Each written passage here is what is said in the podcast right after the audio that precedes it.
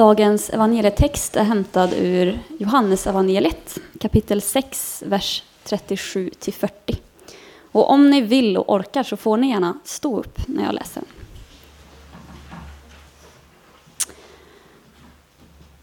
Det är Jesus som säger. Alla som Fadern ger mig ska komma till mig och den som kommer till mig ska jag inte visa bort. Ty jag har inte kommit ner från himlen för att göra vad jag själv vill, utan för att göra hans vilja som har sänt mig. Och detta är hans vilja som har sänt mig. Att jag inte ska låta någon gå förlorad av dem som han har gett mig, utan låta dem uppstå på den sista dagen. Till detta är min faders vilja, att alla som ser sonen och tror på honom ska ha evigt liv. Och jag ska låta dem uppstå på den sista dagen.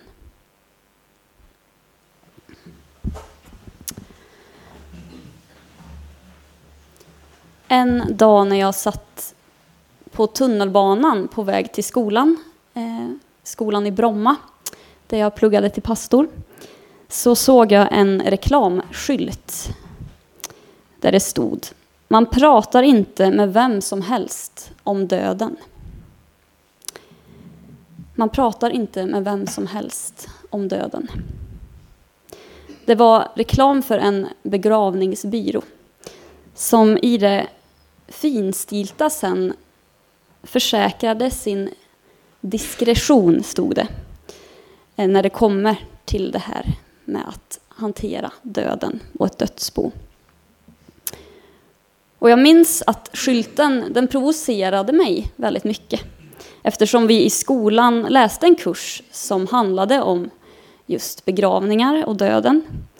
Och hur en lärare berättat för oss eh, dagen innan att det blir allt vanligare att människor dör i ensamhet. Och att många inte får en begravning alls. Och det upprörde många av oss studenter. Behövde vi inte prata mer om döden, funderade vi på. Det är klart att ämnet kräver värdighet, men kräver det verkligen diskretion, som den här reklamskylten beskrev det? Några månader senare så bröt covid ut och döden den blev ju allt mer påtaglig och fick ett allt större utrymme i våra liv och i media också. Och plötsligt så var döden ständigt närvarande. Som den på sätt och vis annars är också, men det är ingen som pratar om det. Och rädslan för sjukdom och död blev ju plågsam för många. Och vi behövde distans för att skydda varandra. Och jag tänkte ofta på den där reklamskylten och på hur snabbt våra liv och hur vårt förhållande till något så grundläggande som döden kan förändras. Men så här i efterhand, efter pandemin, så kan man ju fundera på om det verkligen har förändrats på något sätt. Den här helgen så tänker vi ju extra på dem som har gått före oss, som har lämnat oss här på jorden. Säkert har flera av er varit och tänt ljus och besökt en kyrkogård. Eh, och det är vackert att se alla ljusen som lyser upp mörkret. Ljuset symboliserar ju hoppet. Jesu eviga ljus. Som det står att ljuset lyser i mörkret och mörkret har inte övervunnit det. Och vår tro och förhoppning är ju att våra kära som har gått vidare före oss finns hos honom. De vi saknar, de bär vi ju alltid med oss i våra hjärtan och i vårt minne. Och det kan vara smärtsamt ibland när de här minnena de börjar fladdra otydligare på något sätt. Och vi försöker greppa tag i dem, men det är som att de leker med oss och flyger precis bortom räckhåll. Det kan ju skapa en frustration att allting ska blekna bort. En rädsla för det. Som en vän sa till mig Jag ångrar så att jag inte spelade in min pappas röst. Jag har börjat glömma hur den låter.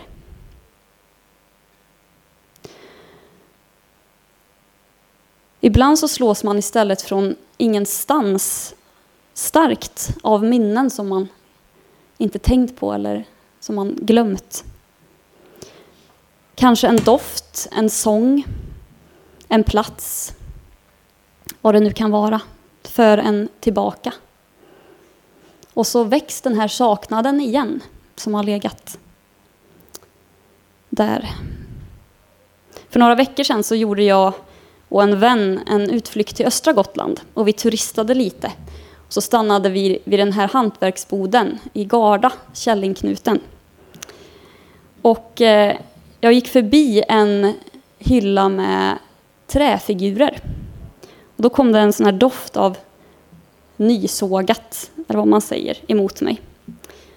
Och genast så fick jag upp en bild av min morfar som alltid doftade sågspån. Och han fortsatte att vara ute i snickarboden trots att han var över 90 år och bara hade 20 procent syn på ena ögat och var blind på andra. Han fortsatte såga och svarva och hålla på. Eh, och det fick mig, ja men ni vet hur det kan vara, någonting väcker den här eh, saknaden till liv. En del tycker ju att ett hopp om ett liv efter det här, det är bara en snuttefilt för alla som inte kan hantera bortgång och vårt livs ändlighet. Och att Gud i allmänhet, men speciellt tanken på himlen och himmelriket, vad man vill kalla det, är för dem som inte klarar av att möta verkligheten. En del menar att det bara är rester kvar av religiös vidskepelse som påverkat vårt samhälle under drygt tusen år. Att det är en liksom rest av det som lever kvar. Och andra säger att visst är de kyrkliga riterna vackra, men eh, de saknar liv. De är enbart liksom kulturbärare och vill skapa mening för oss här och nu för att hantera det som är svårt. Och jag tänker att det andliga behovet och sökandet efter Gud, det ligger nerbäddat i oss för att det är naturligt. För att vi är skapade så. Och att vår längtande själ och vårt sökande, det kommer från Gud själv som liksom vill kalla oss tillbaka och ha en relation med oss. Så som det var tänkt i paradiset. Och som vi en dag kommer få uppleva igen. Att vi kommer få vara hos Gud fullt ut. Kanske kan du känna igen den känslan att ibland är det något vi saknar.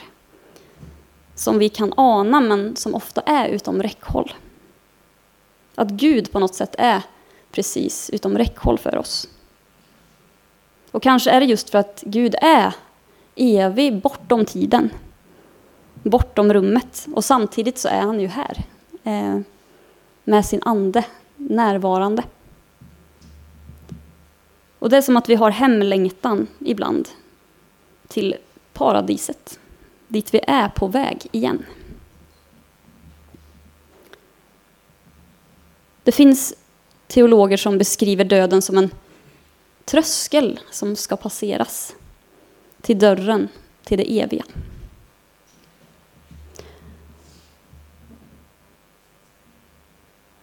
Dagens evangelietexten är ju för en gångs skull ganska konfliktfri, vilket är skönt. Det är lite ovanligt för Johannes evangeliet. Det är ofta ganska mycket svartvitt, strider, Jesus mot eh, fariseerna. Och det är ju skrivet i ett sammanhang där församlingen led hårt. Och världsbilden blir ju svartvit och Eh, den här kampen blir väldigt stark i Johannes evangeliet. Så att det är skönt att få läsa en text som för en gångs skull inte innehåller det. Det här är ju en text att finna tröst i. Att ingen som kommer till Jesus ska visas bort. Han som inte vill att någon ska gå förlorad. Och vi lär ju också känna Fadern genom Jesus, genom Sonens handlingar. för deras vilja är en och samma. På den sista dagen vid tidens slut, då ska de som getts åt sonen uppstå. Och här växer ju alltid den här frågan, vilka gäller det då? Och här finns det ju även inom kristendomen många olika teologiskt grundade svar och argument. Och jag tänker att det har att göra med hur långt vi tänker att den fria viljan räcker. Kan någon som mött Jesus och fått en ärlig chans stå emot hans kärlek och säga att han inte vill ha med Jesus att göra?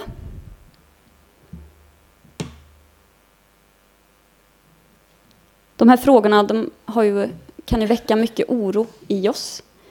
Och det är ju svåra frågor som det inte finns några i Bibeln tydliga svar på. Det finns ju flera olika texter. Många texter som vi... Det finns inget entydigt svar. Vi kan tolka dem på olika sätt. De går inte att förena. Men det som är viktigt, tänker jag, när vi funderar på de här frågorna, det är att Gud är barmhärtigare än vi kan förstå. Att Gud ser hela bilden. Han ser ett helt liv. Och han känner oss bättre än vi känner oss själva. Om vi längtar efter att alla ska liksom få flytta hem till Jesus, hur mycket längtar inte Gud efter det? Han som är kärlek rakt igenom. Han vill ju att alla hans barn ska komma till honom. Men Gud respekterar ju även oss och vår vilja. Vad skulle annars vårt ja eller nej spela för roll? Det kan vi fråga oss. Men det vi vet är att Gud är god och Gud är rättvis. Och vi behöver inte vara rädda. Och vi får lita på att Faderns godhet och allmakt och att döden och lidandet en dag kommer ta slut. För det har han lovat, att han har besegrat ondskan. Det är inte en snuttefilt att tro. Tro på Gud, på ett liv efter det här. På ett hopp om att vi ska få möta våra nära och kära igen.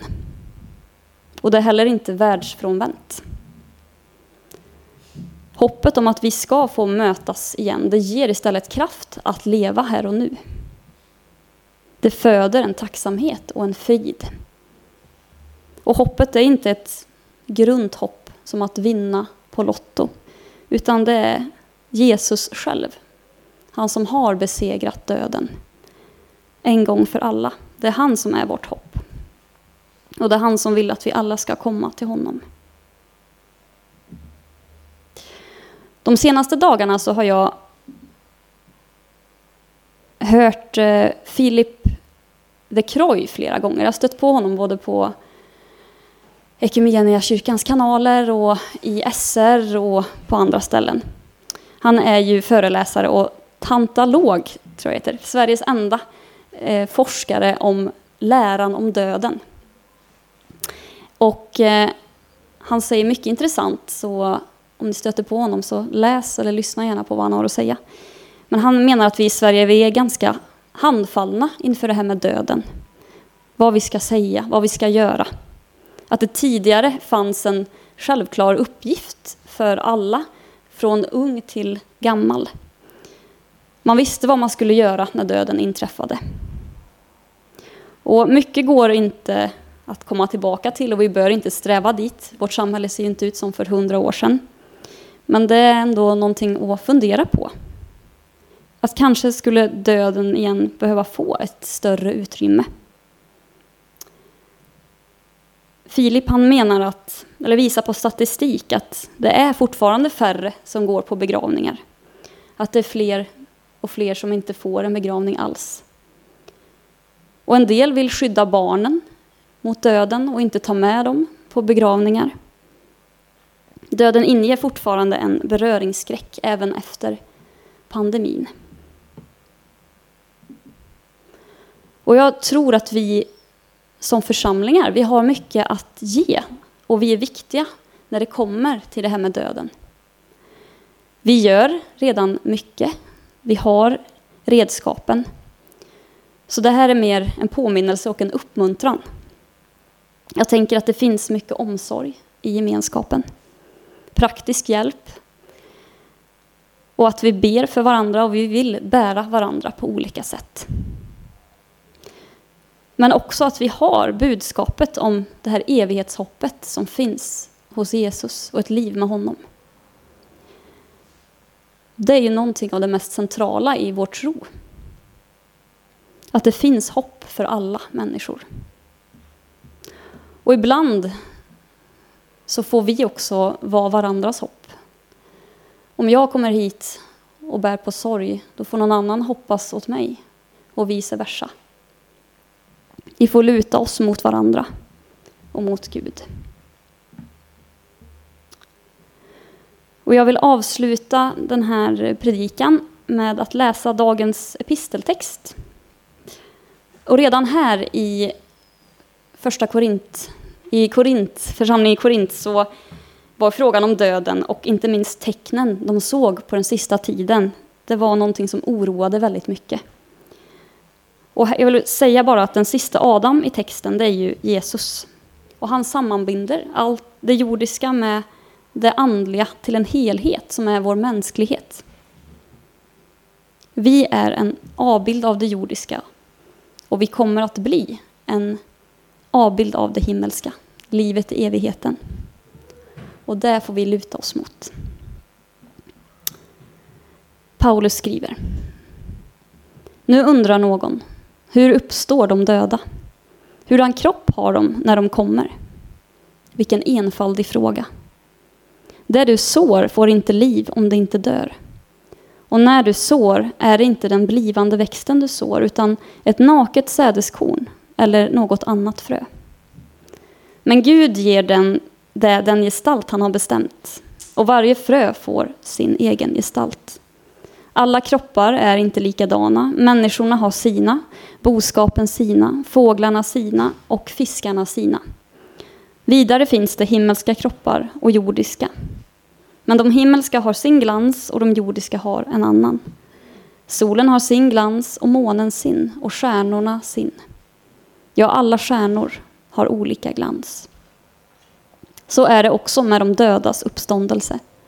Det som blir sått i förgängligt det som blir sått förgängligt uppstår oförgängligt. Det som blir sått föraktat uppstår i härlighet. Det som blir sått svagt uppstår fullt av kraft. Det som blir sått som en kropp med fysiskt liv uppstår som en kropp med ande. Finns det en kropp med fysiskt liv så finns det också en med ande. Och så står det skrivet.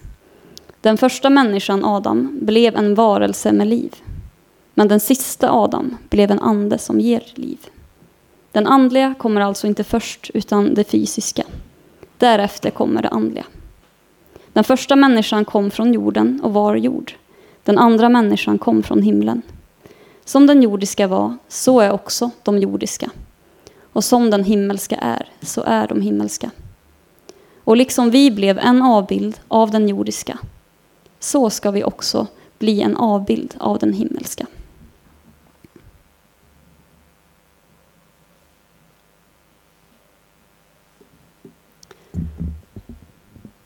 Vi ber.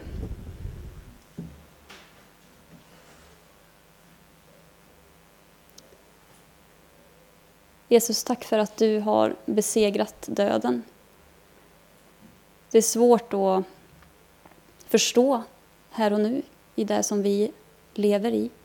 Men tack för att vi får sätta vårt hopp till dig. Ditt hopp står i evighet. Tack för att eh, vi inte behöver vara rädda utan att vi kan få luta oss mot dig.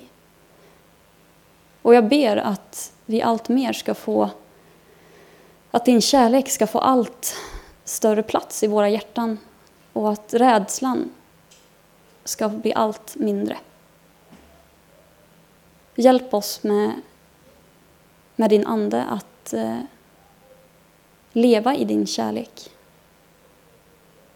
och lägga våra liv, det som gläder oss och det som är ont, vår sorg, i dina händer.